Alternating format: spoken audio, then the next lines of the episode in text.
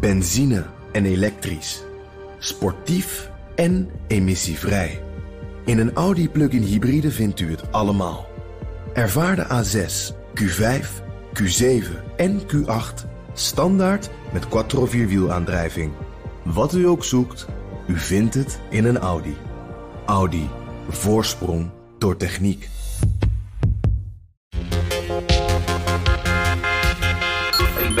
Lid van een partij die heel erg positief denkt over de Europese integratie. Maar juist op het gebied van veiligheid, en helemaal op het gebied van digitale veiligheid, is er natuurlijk weinig tegen een Europese vuist.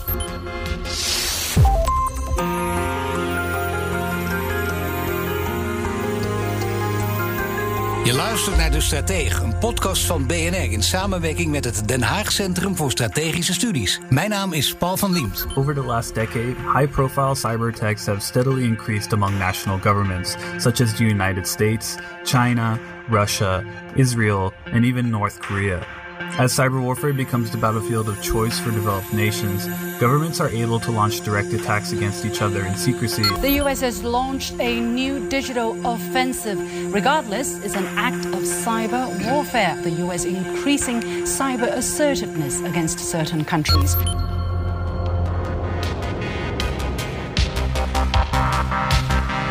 Toenemende mate proberen staten elkaar de pas af te snijden in cyberspace. Als dat lukt, bijvoorbeeld met een grote cyberaanval, kan het tot serieuze maatschappelijke ontwrichting leiden in het land dat wordt getroffen. De Amerikanen zijn recent een nieuw pad ingeslagen. Persistent engagement, oftewel offensieve cyberacties. De aanval is de beste verdediging, is de gedachte. Schrikt dit tegenstanders inderdaad af om een cyberaanval te ondernemen?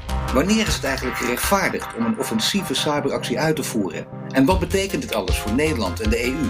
Dat ga je horen in deze aflevering van De Strateeg van mijn gast, Kees Verhoeven. Kamerlid voor D66 en actief op het gebied van digitale kwesties, waaronder cybersecurity.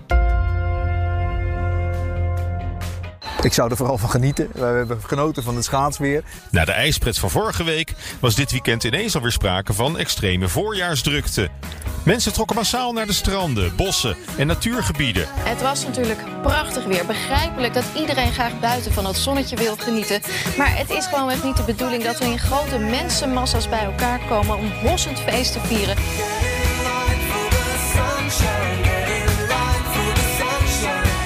Ja, de vorige aflevering van de Stratege die namen we op. Dat was net voor die ijskoude sneeuwstorm. En, nu, gek genoeg, lijkt het of, het of het wel lente is.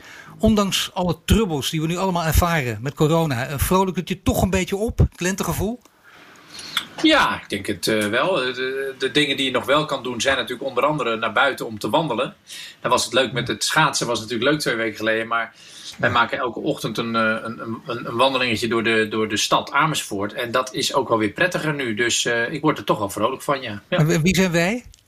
Wij, dat zijn mijn vriendin en ik. Uh, oh ja, dat mag het, ja. De kinderen die zitten dan meestal binnen uh, wat passiever gedrag te vertonen achter een scherm. En wij maken dan even een ochtendwandelingetje.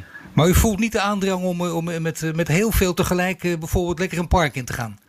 Nou, dat doen we ook wel, alleen uh, niet ochtends vroeg. Uh, dat doen we meestal gewoon. De, de afgelopen week was krokusvakantie en dan doen we dat soort dingen wel. Dan gaan we even wandelen in een, uh, in een bos. Maar ja, ook daar moet je nu weer mee oppassen. Want voor je het weet is het helemaal vol. En ja. loop je op plekken waar de mensen tegen elkaar lopen te dringen. Dus het is wel zoeken naar de juiste plekken nu weer.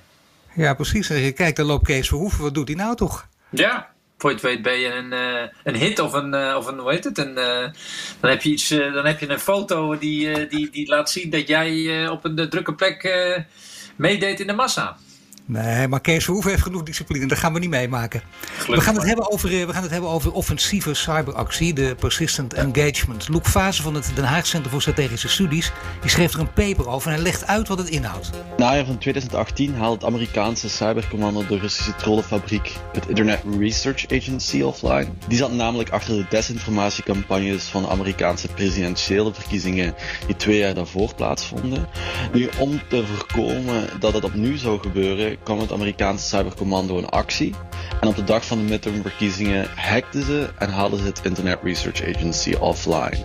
Dus deze offensieve cyberactie wordt gezien als een eerste test van de nieuwe strategie van persistent engagement. Het doel uh, hiervan is om zich buiten de Amerikaanse netwerken te verdedigen, dus ook in netwerken van de vijanden en bondgenoten te opereren. Daarmee kan een aanval in de voorbereidingsfase worden gestopt, de eigen verdediging worden voorbereid en door middel van offensieve cyberoperaties ja, de zwakheden van je tegenstander worden uitgebuit voordat een daadwerkelijke aanval plaatsvindt. En hierdoor hoopt de VS toekomstige aanvallers te vroeg af te zijn en vooral ook af te schrikken. Dat was Loek Fase. Nog een paar keer terug deze aflevering. Persistent engagement dus. Het is offensieve cyberactie. Dus laten we zeggen proactief optreden. Wat is uw algemene indruk en opvatting daarover? Ja, ik denk dat het uh, steeds meer een onvermijdelijk onderdeel van de, van de gereedschapskist aan het worden is. Ik weet nog dat we als D66 een jaar of zes geleden schreven wij een stuk. En dat was een soort technologievisie. En toen was de vraag heel erg: moet je nou wel of niet aan offensieve uh, cyberactiviteiten doen? Hè? Dus dat je het defensief deed, dat je je eigen uh, digitale infrastructuur en je eigen vitale bedrijven en zo, dat je dat beschermt. Dat was eigenlijk wel evident en daar mocht je dan ook wel bepaalde uh, dingen voor, voor doen. Maar moest het ook offensief? En toen was nog een beetje de gedachte bij de deskundigen die we toen hoorden van nee, dat moet je niet doen. Dat is verkeerd. Eigenlijk moet je uh, als, als, als Nederland slash Europa uh, toch een bepaalde ja, non-proliferatieachtige houding aannemen. Dus doe, doe het liever niet. Nou ja, ik denk dat dat vijf jaar later uh, een standpunt is wat, wat achterhaald aan het raken is. Ja, dat betekent, wat zou het standpunt nu dan kunnen zijn of moeten zijn? Of beter, wat is uw eigen standpunt nu? Nou, het standpunt is nu dat je uh, er niet meer aan ontkomt om ook offensief actief te zijn. En dat je dat dus onder bepaalde voorwaarden uh, moet doen. En die voorwaarden, dat is eigenlijk bij alles wat op het gebied van, van cyber security, cyber uh, attacks en, en, en, en zo van valt. Dan, dan, dan zijn de voorwaarden waaronder je iets doet, die bepalen eigenlijk hoe ver je gaat. Ehm, en dat, dat betekent dus dat je uh, je ook af gaat vragen: nou, hoe, wat, wat kunnen onze diensten uh, wel en niet op het moment dat zij bijvoorbeeld merken dat er in het buitenland uh, actoren zijn die een agenda hebben tegen Nederland. Wat doen we om die al van, van tevoren uit te schakelen? En, en hoe, gaan we daarmee, hoe, gaan we, hoe gaan we dan te werk? Dat zijn maar de toch maatwerk dus. Hè? Toch inderdaad per keer kijken hoe het ervoor staat.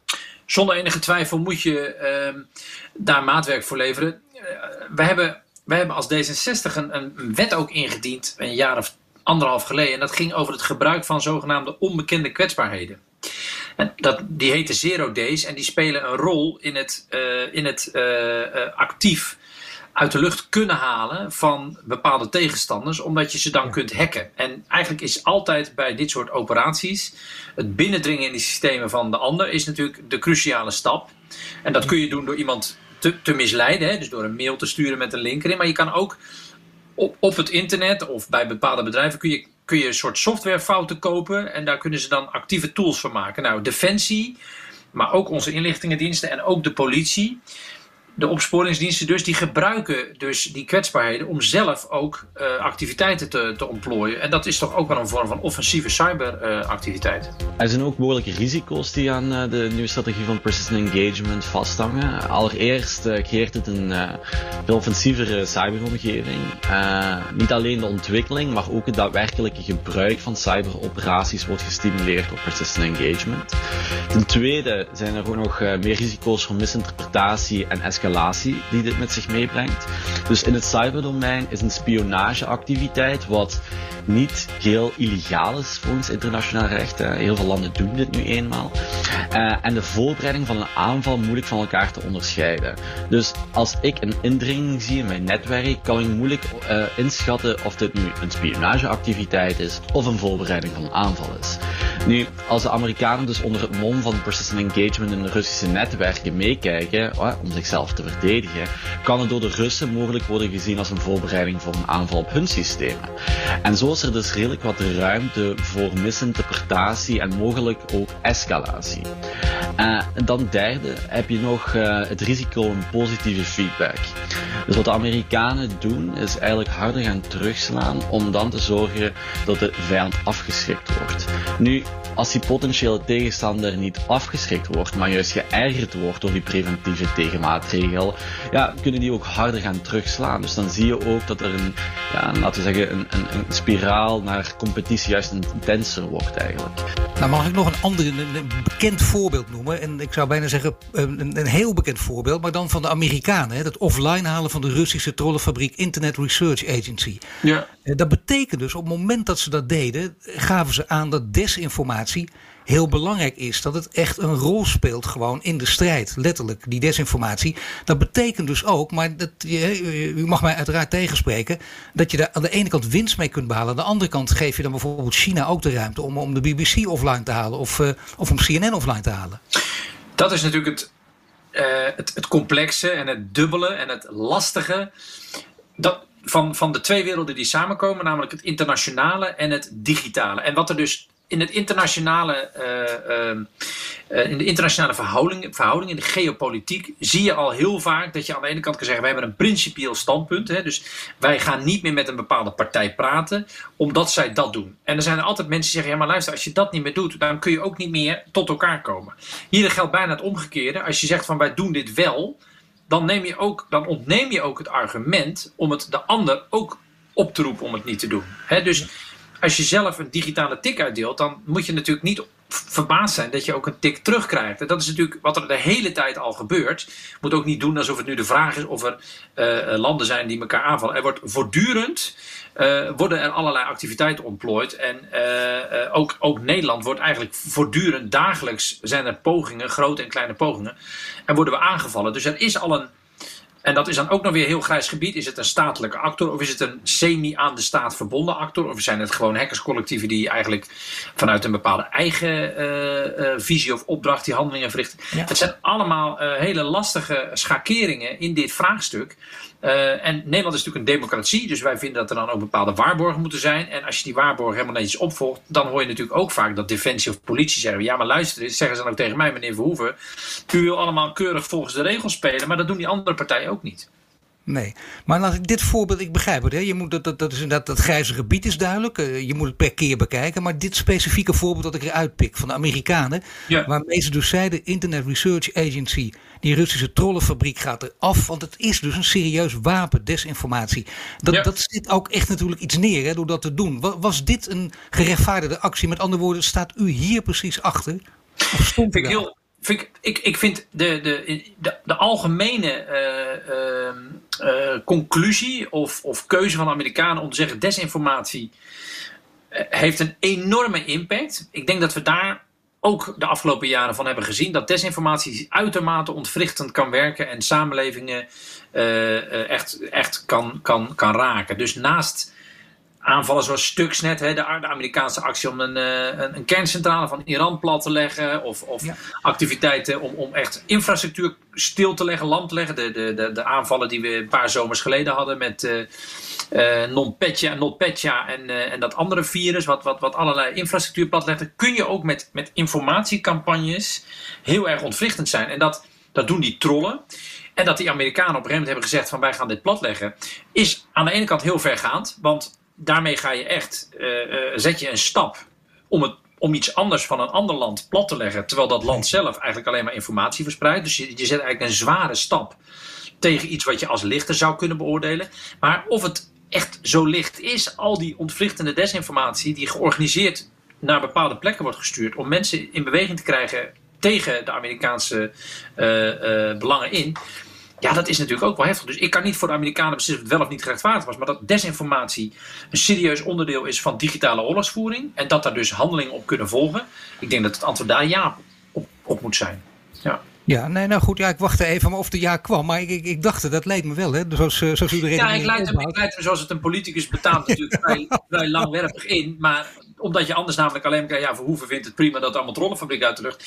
Ik denk dat desinformatie een wapen is. En ik denk dat je dus in, het, in het huidige, eh, de huidige verhouding ook een wapen kan inzetten om die desinformatie eh, eh, uit de lucht te halen. En wij willen zelf ook de desinformatie uit de lucht halen. Alle doen we dat dan weer op een andere manier. Wij doen het bijvoorbeeld door onze bevolking veel bewuster te maken. Maar je kunt verschillende dingen doen. Dit kun je doen en dan neem je dus het risico, want dat, dat, hoort, dat gaat ermee gepaard, wat ik zojuist zei. De, de- de andere partij mag het dan ook. En die kunnen dus ook zien en, en bijvoorbeeld BBC uitschakelen. Maar eh, ik bedoel, het was geen, geen, eh, niet, niet eens een instinker. Joh. Gewoon eh, de context is heel belangrijk in deze. Ja, en dan de Amerikanen, die zetten, die zetten verder in op deze strategie. Hè, die van, van die offensieve cyberactie. Kun je dat wel een goede ontwikkeling noemen? Nou ja, de beste ontwikkeling zou zijn, en dat is ook geprobeerd. Hè, China, ik weet nog dat Obama op een gegeven moment met China heeft geprobeerd een afspraak te maken. We vallen elkaar niet meer aan. Dat was op een gegeven moment een soort van bericht dat naar buiten kwam. Het was in de tweede termijn van Obama. Dat hij met uh, Xi Jinping had afgesproken, de, de, de leider van China, van dat gaan we, dat, dat gaan we niet meer doen. We, we, we laten elkaar met rust. Ja, dat was een wassen neus. Uh, dus dus er is, de, de, in de ideale wereld, hè, en ik moet zeggen, D66'ers willen nog wel eens uitgaan van de ideale wereld. Zou het natuurlijk het mooiste zijn als iedereen het niet deed. Hè? En, en als je het dan wel doet, dat er regels zijn. Hè? Er wordt ook al heel vaak gepleit voor uh, soort ja, uh, regels van uh, oorlogsvoering, digitale oorlog, oorlogsvoeringsregels. Hè? Een beetje à la Genève. een soort verdrag dat je zegt van we doen het op die manier. Nou, dat is de ideale wereld. Je doet het niet. En de semi-ideale wereld is we doen het volgens bepaalde regels. Nou, beide werelden zijn er niet. De, de echte wereld is dat er gewoon op allerlei mogelijke manieren best wel hard wordt gepoogd om elkaar aan te vallen. En dan is het vanuit Amerika en ook vanuit andere landen uh, bezien heel logisch. En in die zin dus, ja, ik zou niet een goede ontwikkeling willen noemen, maar wel een, een heel begrijpelijke stap om het te doen. Ja, de Amerikanen die, die geven daar natuurlijk ook allerlei argumenten voor. Ja, voorstanders van persistent engagement hopen dat het zal leiden tot meer stabiliteit in cyberspace door middel van een geloofwaardige afschrikking. Dus de VS, net zoals Nederland, veel andere westerse landen eigenlijk, hebben moeite met het afschrikken en tegengaan van vijandige cyberaanvallen. Met name door Rusland, China, Iran en Noord-Korea. Die vooral onder de juridische drempel van een gewapend conflict plaatsvinden. Nu, voorheen reageerden de Amerikanen op verschillende manieren. Dus door middel van heimelijke operaties in of buiten cyberspace. En openlijk met economische en diplomatieke middelen, zoals sancties en vervolgen van hackers, om duidelijk te maken dat dit soort overtredingen onacceptabel zijn. Nu, deze manier van afschrikking schoot tekort volgens de commandant van het Amerikaanse cybercommando. De VS werd volgens hem niet meer door de vijand gevreesd. Dus een proactievere opstelling in cyberspace in de vorm van persistent engagement zou je dan een einde aan moeten maken. Dus de Amerikanen willen me hiermee laten zien dat ze vuur met vuur kunnen bestrijden. En ook in vredestijd. Nu, persistent engagement is dus eigenlijk een aanvulling op de bestaande tegenmaatregelen en kan leiden tot een verder verhogen van de kosten van een aanval. En daarmee ook een veel effectiever niveau van afschrikking realiseren.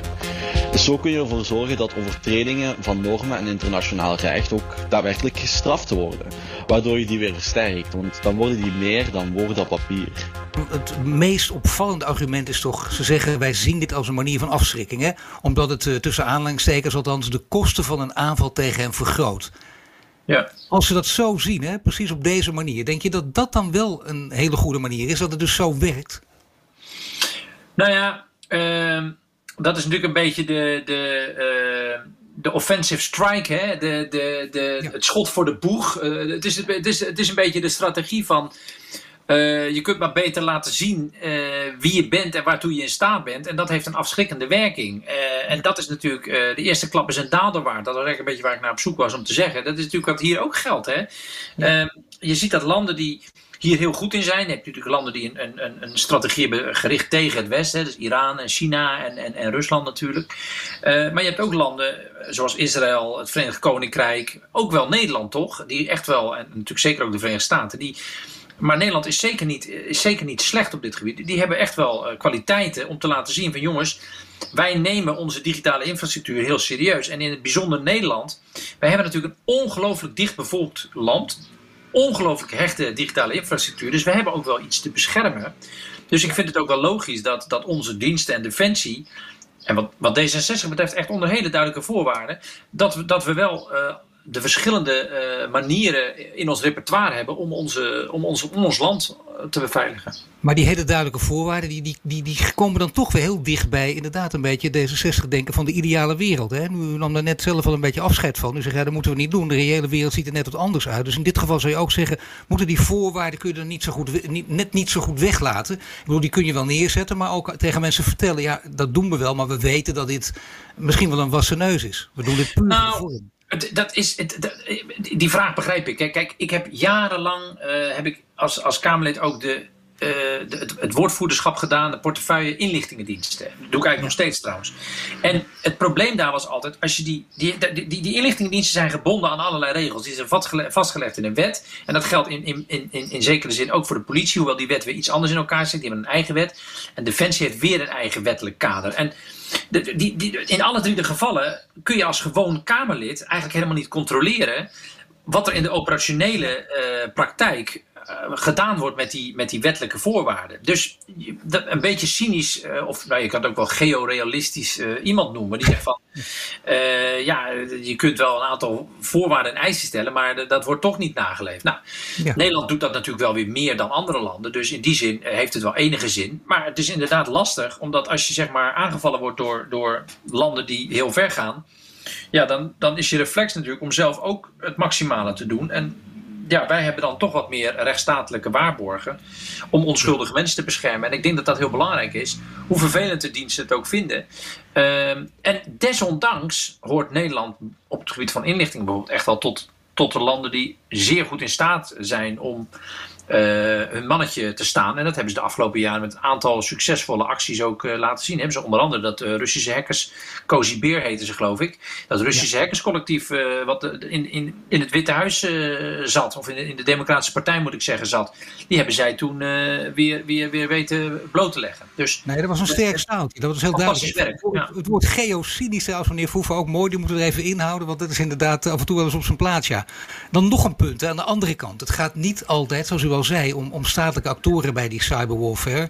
Uh, dat betekent dat het ook veel uh, minder overzichtelijk wordt en veel lastiger in te schatten is wat die acties op zullen leveren. Als je dat weet, als je die context kent, wat, hoe, wat betekent dat voor politiek bedrijven? Nou, dat, het, uh, dat dit een. Dit is, dat zei ik net al een beetje, dat internationale digitale komen samen. Het is ongelooflijk complex. Uh, want landen die hebben een relatie tot elkaar.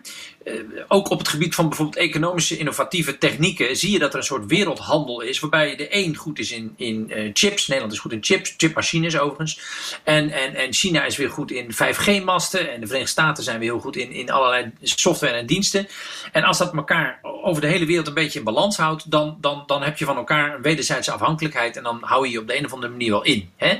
Als je zelf met iemand zaken doet en die heeft iets van jou en jij hebt iets van hem, dan is dat toch een soort van verzekering die je hebt. Nou, dus die wederzijdse afhankelijkheid is een heel belangrijk element. Nou, hier is het dus zo dat landen onderling ook diplomatieke banden hebben, afhankelijkheden hebben. Ze willen wat van elkaar. Er zijn allerlei evenementen, uh, handelsmissies, maar ook sportevenementen. Dus er is altijd een relatie. Er zijn ook altijd wederzijds bedrijven op, op elkaars grondgebied. Dus er is, een, er is een soort samenhang wat het allemaal redelijk in, in evenwicht houdt. En wat, wat meer is dan alleen maar dat land is tegen dat land. Want ja, wij hebben ook overal ter wereld hebben we gewoon bedrijven zitten. Dus we houden altijd bepaalde banden met landen. Maar hier komt er dan ook nog doorheen dat je niet met een land praat, maar met een aan een land gelieerd uh, collectief of uh, een, een, door een land al dan niet enigszins aangestuurd of gestimuleerde uh, club of een, een, een, een, club met een eigen agenda die heel erg overeenkomt met de belangen van een bepaald geopolitiek blok. Ja, dat maakt het vreselijk lastig om, om dan precies in, in de gaten te houden wie je wanneer op welke manier moet, moet, moet aanpakken of moet, moet tegenhouden. Ja, mag ik ook nog even de vergelijking maken tussen de hele grote spelers en dan alleen toegespitsen op die offensieve cyberactie waar we het nu over hebben. Als we kijken naar de Russen, als we kijken naar de Amerikanen, daar weten we al van. Hè, we hebben met een paar voorbeelden ook genoemd dat ze daar behoorlijk sterk in zijn, althans vaak op inzetten. De Russen doen het ook, de Chinezen doen het ook, maar wie is op dat gebied van offensieve cyberactie echt duidelijk de sterkste van de drie? Uh, geen idee. Uh, ik denk dat. Dat in je bijna noemen, dat vind ik echt. Dat vind ik nou eindelijk eens verhelderend dit. Dat is heel mooi. Ik weet het niet, maar ik denk, ik denk China. Kijk, uh, China heeft. Nou, nee, dat is geen gok, dat is een educated guess. Maar nou, eerste antwoord ik echt niet weet. Omdat ik niet achter de schermen kan kijken en er geen ranglijstjes van gepubliceerd worden. Zoals wie is de grootste economie en wie heeft het wereldkampioen voetbal uh, gewonnen. maar het is natuurlijk wel zo dat China in alle opzichten. Kijk, Rusland doet nog heel veel geopolitiek met olie en met gas. Dus die zitten heel erg op, op de energiekaart nog steeds. China zet veel meer in op technologie. Uh, en natuurlijk ook het opkopen van allerlei infrastructuur. De, de, de, dat, dat zijn de alternatieve zijderoutes. Maar China is het land wat, wat op alle fronten digitale technologie beschouwt als de manier om het machtigste land ter wereld te worden. En en daarbij... te maken. Nee, precies. Dat, dat vinden ze niet zo heel erg belangrijk. Uh, dus die zetten alles op alles om te spioneren, uh, te stelen, uh, te ontwrichten. Dus, dus ik denk dat China uh, gewoon omdat het op dit moment ook qua technologie het snelst groeiende land is. Ze hebben het meeste, zij halen het meeste patenten, ze halen het meeste wetenschappelijke citeringen, ze halen het meest uh, uh, investeringen in, in RD. zij zijn op alle fronten een, een ongelooflijk snel groeiende technologiemacht. Dus ik, ik, ik schat in dat de Chinezen het gevaarlijkst zijn, omdat ze verder zijn dan de Russen en omdat ze minder gebonden zijn dan de Amerikanen. Er zijn natuurlijk ook mogelijke implicaties voor Nederland en de EU. Allereerst ja, creëert het een veel offensievere omgeving, waardoor de Nederlandse verdediging dus ook onder meer druk komt te staan. Dan kan het aan de ene kant de internationale rechtsorde waar Nederland en de Europese Unie zich voor inzetten versterken. Het zorgt ervoor dat internationale recht en normen uh, worden nageleefd. Het, het straft ook overtredingen af. Maar het kan ook leiden tot het zetten van normen waar Nederland misschien niet zo blij mee is. Dan is er ook nog een operationeel component. Dus stel voor als de Amerikanen een operatie uitvoeren tegen de Russen en ze volgen die tot in de Nederlandse netwerken om die daar bijvoorbeeld te verstoren. Dan hoeven ze de Nederlanders alvorens niet waar te schuwen dat ze in onze netwerken zitten. Nu stel dat er net op dat moment een Nederlandse inlichtingenoperatie plaatsvindt met hetzelfde Russische doelwit, dan kan dus die inlichtingenoperatie worden verstoord door de Amerikanen, mits er geen heldere communicatie is tussen de twee. En dit zie je ook terug hoe de Amerikanen en de Nederlanders naar soevereiniteit kijken. Dus de Amerikanen zien soevereiniteit meer als een principe, ze houden er rekening mee, maar het is geen afdwingbare regel die overtreden kan worden. Terwijl Nederland het wel als zo'n afdwingbare regel ziet. Dus dit vergt heldere afspraken met de Amerikanen van wat wel of niet acceptabel is wanneer ze optreden in de netwerken van hun bondgenoten zoals Nederland. We hebben het al een beetje over Nederland gehad. Daar wil ik nu ja. wat meer over gaan praten. En ook, ook over de EU. Laten we eerst kijken dan toch weer beginnen met Amerika. Want de relatie is groot. Amerika gaat er dus mee aan de slag. Gaat ermee door met die offensieve cyberstrategie. Maar betekent dat wij daar ook slachtoffer van kunnen worden? Hè? Met andere woorden, kunnen we die Amerikanen voldoende vertrouwen? Nou, Nederland is al een aantal keer slachtoffer geworden van, een, van, van diverse Amerikaanse uh, activiteiten in het, in het digitale domein. Uh, de afluisterorganisaties, uh, of uh, de, af, de afluisteractiviteiten van een aantal geleden van de Five Eyes bijvoorbeeld. Dat was een groot schandaal in Nederland, omdat gewoon bleek dat Amerikanen afluisterden. en dat soort dat soort feiten zijn er gewoon. En de Amerikanen hebben natuurlijk wat dat betreft zeker ook belangen om, om ook in Europa dingen in de gaten te houden. En dat zullen ze ook zeker doen. En daarom is het ook heel belangrijk dat we op een goede manier samenwerken met, met Amerikaanse en ook andere uh, landen en hun inlichtingendiensten. Dus ja, Nederland kan absoluut ook door de eigen bondgenoten bespioneerd of, of, of, of nou in ieder geval uh, gebruikt worden als, als, als onderdeel van de digitale ketting. Maar of dat voorbeeld dat u gaf, sorry hoor, maar dat voorbeeld dat u gaf is heel goed ja. natuurlijk. Want het is een paar keer gebeurd. En, en we, ja. herinneren ons, we, herinneren ons, allemaal natuurlijk ook echt, echt de, de enorme boze en verschrikte reactie. Een ja. mengeling van beide van, van Angela Merkel toen bleek dat ze afgeluisterd was. En denk je, ja, dat, dat zet de verhoudingen echt heel erg op scherp. En dat voedt het wantrouwen enorm. En toch zou je denken, ook in dit geval, wat moet je doen? Wat is de beste strategie voor EU en Nederland om ten opzichte van, om je op te stellen ten opzichte van de Amerikanen? Nou ja, je hebt hier natuurlijk wel echt met een bondgenoot te maken, de NAVO. Hè? Dus ik bedoel, dit is natuurlijk wel een, echt een andere categorie. Hier kun je wel komen tot bepaalde afspraken. Al zie je dus toch dat het steeds gebeurt. Um, je moet als EU echt een zelfstandig blok vormen en een heel krachtig geheel vormen op het gebied van, van één eenheid uh, waar het gaat om, om, om cyberstrategie. Dus de Amerikanen, je kunt zeggen, nou, we vertrouwen ze blind, want ze zijn een NAVO-bondgenoot. Dat is in het verleden niet uh.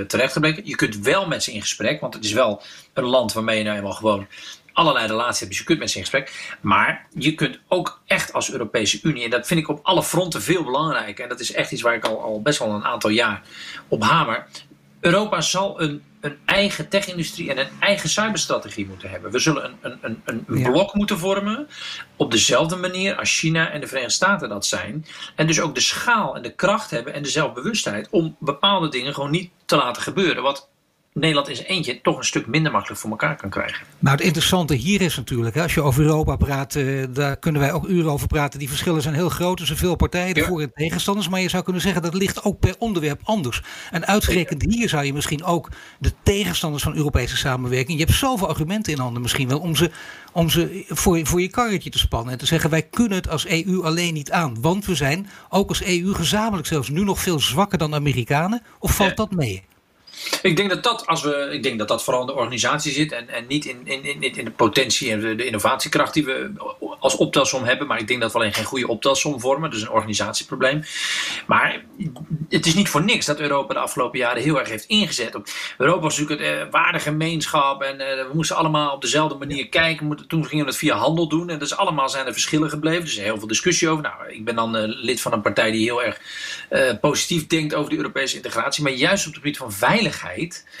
En helemaal op het gebied van digitale veiligheid is er natuurlijk weinig tegen een, een Europese vuist in, in te brengen. Omdat de AVG laat het bijvoorbeeld op privacygebied zien dat het echt werkt als je een Europese regelgeving hebt die voor de hele Europese markt geldt. En daar houden Amerikaanse bedrijven aan. Als we ook op dezelfde manier eisen gaan stellen, bijvoorbeeld aan externe producten van bijvoorbeeld Chinese, Russische, Iraanse leveranciers, ook Amerikaanse leveranciers dus uiteraard, want daar moet je gewoon kleurenblind in zijn.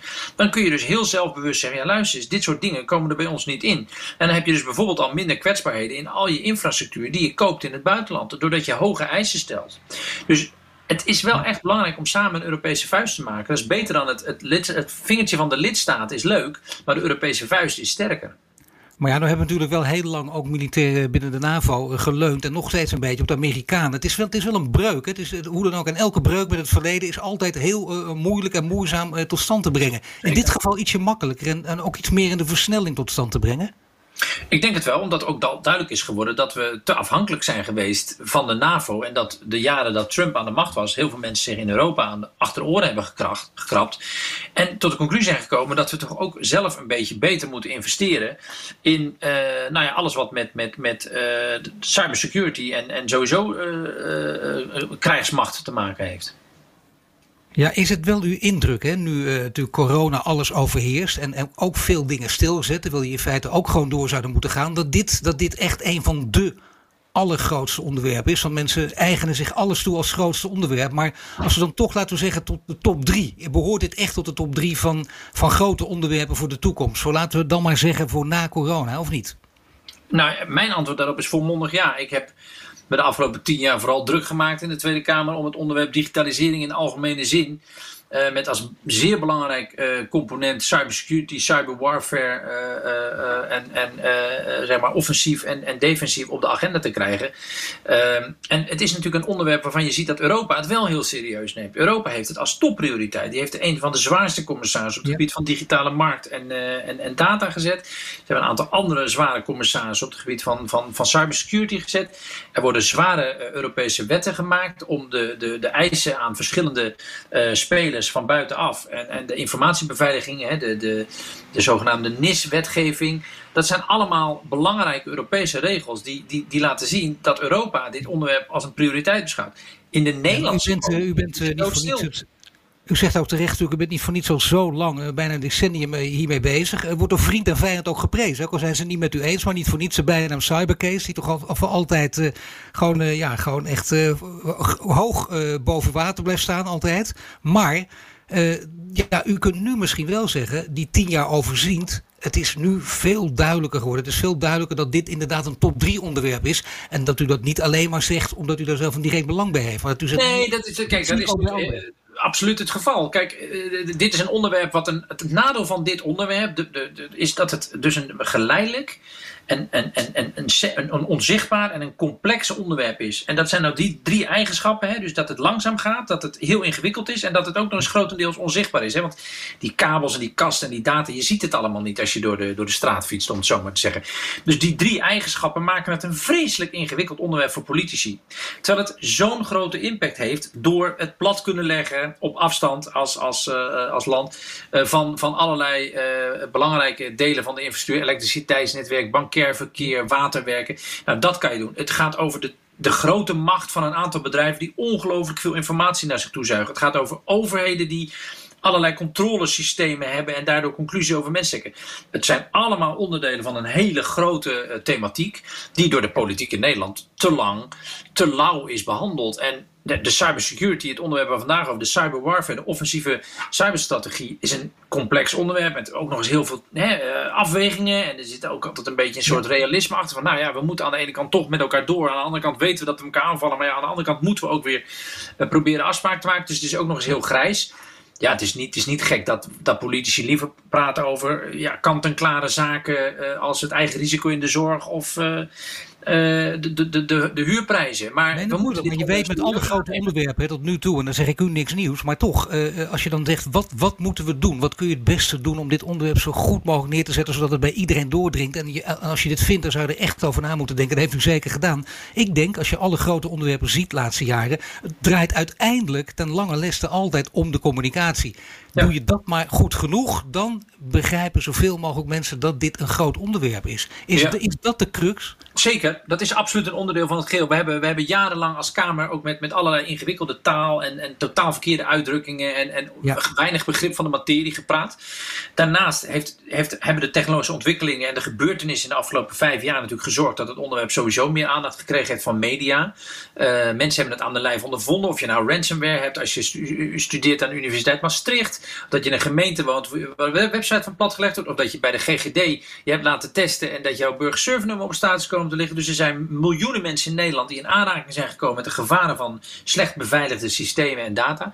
Dus dat, ja. dat heeft geholpen. En de politiek heeft langzaam maar zeker, met name Europa, heeft er gewoon grote stappen gezet. Is langzaam maar zeker toch ook wat zelfbewuster met het onderwerp omgegaan. In plaats van steeds maar achterover te leunen en te wachten en te zeggen: God, dat internet is prachtig, hè, maar wij gaan er niet over. Want het is waarschijnlijk vooral een groot deel privaat en particulier. Dus politiek moeten we er maar niet al te veel aan doen. Ja, dat is niet waar gebleken elke dag aandacht aan besteden, zou je bijna zeggen. Zoals bij klimaat ook gebeurde. Tien jaar geleden mondjesmaat. En nu zat er elke dag al iets over in, in de krant, op radio, op televisie, op internet. Hetzelfde, inderdaad, uh, over die al ransom uh, aanvallen, ransomware aanvallen. Voortdurend wordt er over geschreven. Men ziet nu inderdaad ook de gevaren, lijkt mij duidelijk. Hè? Uh, ja. ja. als er wat verkeerds gebeurt voor een persoon is het erg, voor een staat is het erg, voor niet-statelijke actoren ook. voor een ziekenhuis is het ook heel vervelend, want je moet losgeld betalen. Kijk, dat soort zaken, als die maar elke dag op de kaart staan, ja, dan, dan zou je bijna zeggen dit dringt bij iedereen door nu. Uh, en dan zou je bijna kunnen zeggen, ook de missie van Kees Verhoeven is wat dat betreft geslaagd, of niet? Nou, als het politiek op de agenda staat, is het eerste deel van de missie geslaagd. En ik denk dat, dat we daar in de buurt beginnen te komen van een, van een, uh, nou ja, van een groen vinkje, om het zo maar te zeggen. Maar ik heb laatst ook gezegd, kijk, het is leuk dat het op de agenda staat, maar nu moeten we de richting gaan bepalen. Kijk, ik ben de politiek ingegaan, ik ga nu de politiek uit. En je zit in de politiek omdat je je kunt een aantal dingen doen. Je kunt ontwikkelingen aanjagen, je kunt ontwikkelingen bijsturen, je kunt ontwikkelingen afremmen en je kunt ontwikkelingen echt begrenzen. Je zegt, dit moeten we niet doen. Dat zijn de mogelijkheden. Dus je, je bent als politicus, als het ware, zit je in een auto en kijk je naar maatschappelijke ontwikkeling en je doet iets waardoor het of stopt, of sneller gaat, of een andere koers. Nou, we moeten nu die koers gaan bepalen. Het is heel snel gegaan. We willen sommige dingen willen we niet. We willen even geen algoritmes die besluiten nemen over mensen, maar we willen wel algoritmes die kankercellen kunnen detecteren.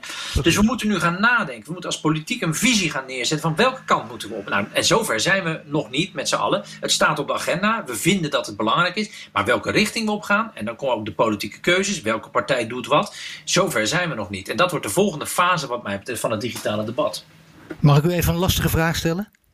Ja, dat mag u. Daar bent u volgens mij ook ingehuurd. Nee, ik zou het niet gedaan. Nee, maar, ja. nee, maar het is, kijk, belangrijk is ook, kijk, u neemt uw afscheid en, en het, u heeft totaal geen zin om op uw politieke vijanden tussen aanhalingstekens af te geven.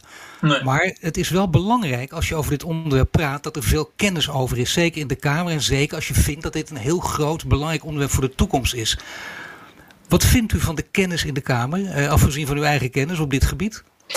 Nou, ik vind hem zelf dat hij, dat hij tekort schiet. De Kamer zelf heeft in de, de onderzoekscommissie waar ik samen met, met het lid Buitenweg en Middendorp en Van Dam in zat.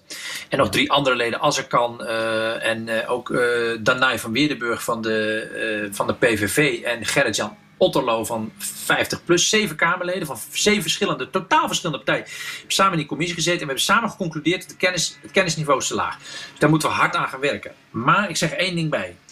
Kennis is belangrijk. Maar als je de, en die kennis moet komen uit veel meer publiek-private samenwerking. Luister naar bedrijven, uh, wetenschappers, burgerrechtenorganisaties. Lees gewoon elke maand een boek over het onderwerp. Er verschijnen maandelijks tientallen boeken over digitalisering. Lees gewoon elke maand zo'n boek. Luister naar mensen. Pleeg telefoontjes. Nou, doe het allemaal.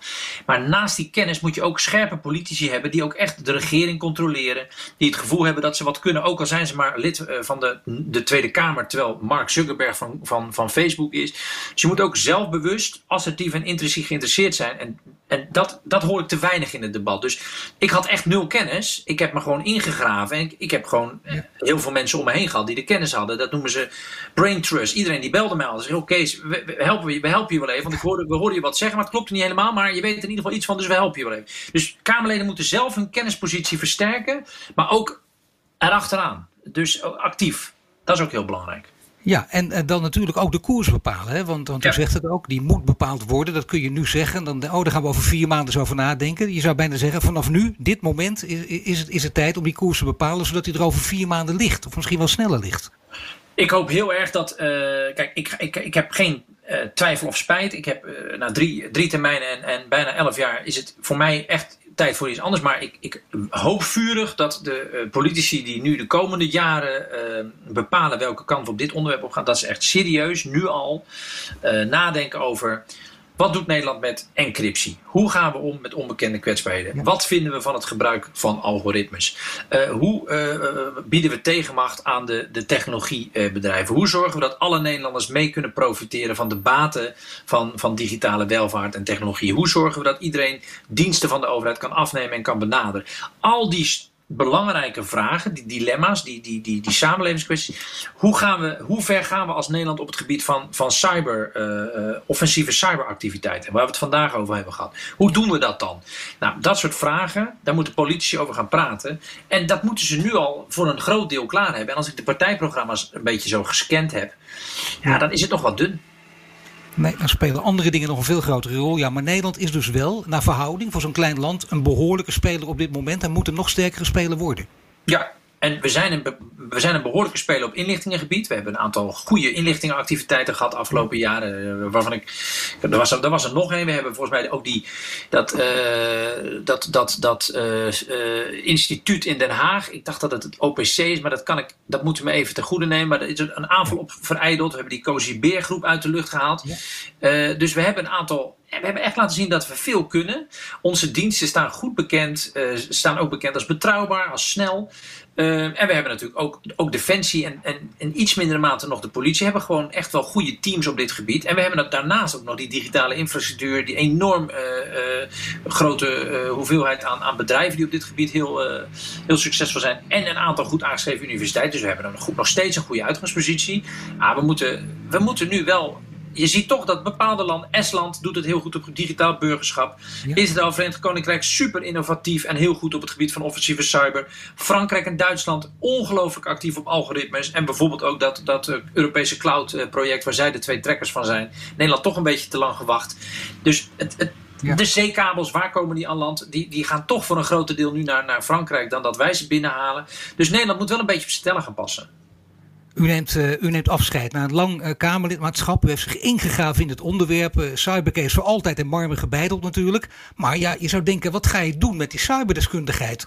misschien wel aardig toch om, om in dit interview dan ook te zeggen wat u van plan bent. Want u weet het al lang waarschijnlijk, of niet meneer Verhoeven?